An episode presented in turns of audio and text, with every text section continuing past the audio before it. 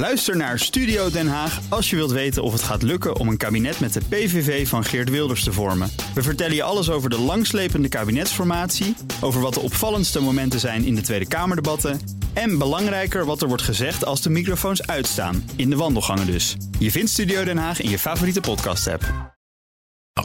De column van Jaap Jansen. Terwijl de rookwolken van de verkiezingsoverwinning van Thierry Baudet's Forum voor Democratie nog niet zijn gaan liggen, voltrekt zich in het verbrokkelde politieke landschap een opmerkelijke ontwikkeling: de terugkeer van het midden. Zo kwam VVD-fractievoorzitter Klaas Dijkhoff afgelopen weekend met een discussiestuk: Liberalisme dat werkt voor mensen, geschreven voor de middenklasse van Nederland. Zoals Dijkhoff het uitdrukt, voor al ons goed volk, de harde werkers, de doeners die ons land overeind houden. Hij wil zorgen dat alle politieke macrocijfers ook gevoeld worden aan de keukentafel in de Finex-woning. Precies wat Dijkhoffs collega van de Partij van de Arbeid, Lodewijk Asscher, beschrijft in een boek over zijn zoektocht naar een nieuw verhaal. Asscher wil mensen bestaanszekerheid geven en een veilig gevoel. In een lezing schetste D66-leider Rob Jette onlangs ook een socialere koers. Hij zei: In periodes van voorspoed moeten de salarissen stijgen, niet alleen in de bestuurskamer, ook in de postkamer. En CDA Wopke Hoekstra, voordat hij minister van Financiën werd, adviseur van het grote bedrijfsleven, laat zich steeds vaker kritisch uit over de bonuscultuur en het ontwijken van belastingen.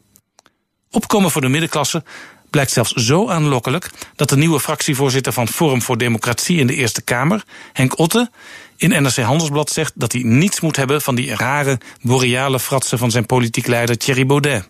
Voor Otte geen ondergangsfilosofieën, geen gemijmen over een dominant blank Europa of debatten over atonale muziek.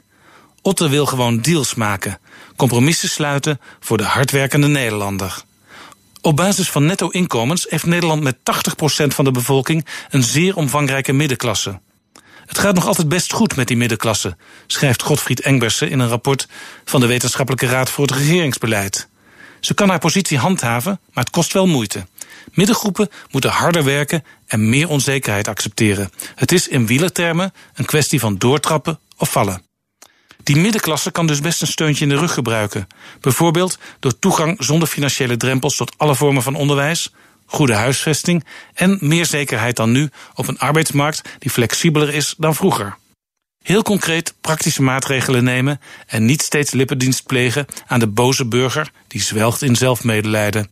Geen PVV-corvée meer. Naast de kiezer staan en meeklagen hoe erg het allemaal is.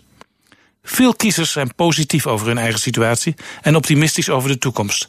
Ze hebben alleen af en toe wat extra hulp nodig. Als, zoals nu, steeds meer partijen hiervoor plannen maken, schuiven ze vanzelf dichter naar elkaar toe en wordt het gemakkelijker om politiek bruggen te slaan.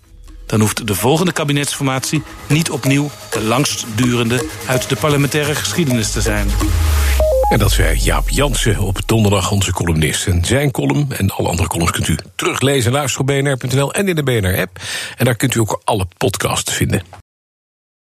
Ook Hugo Reitsma vind je in de BNR-app. Superhandig die BNR-app. Je kunt alle programma's live luisteren, breaking nieuwsmeldingen. Je blijft op de hoogte van het laatste zakelijke nieuws. En je vindt er alle BNR-podcasts, waaronder natuurlijk de belangrijkste, Boeken zijn in de wijk. Download nu de gratis BNR-app en blijf scherp.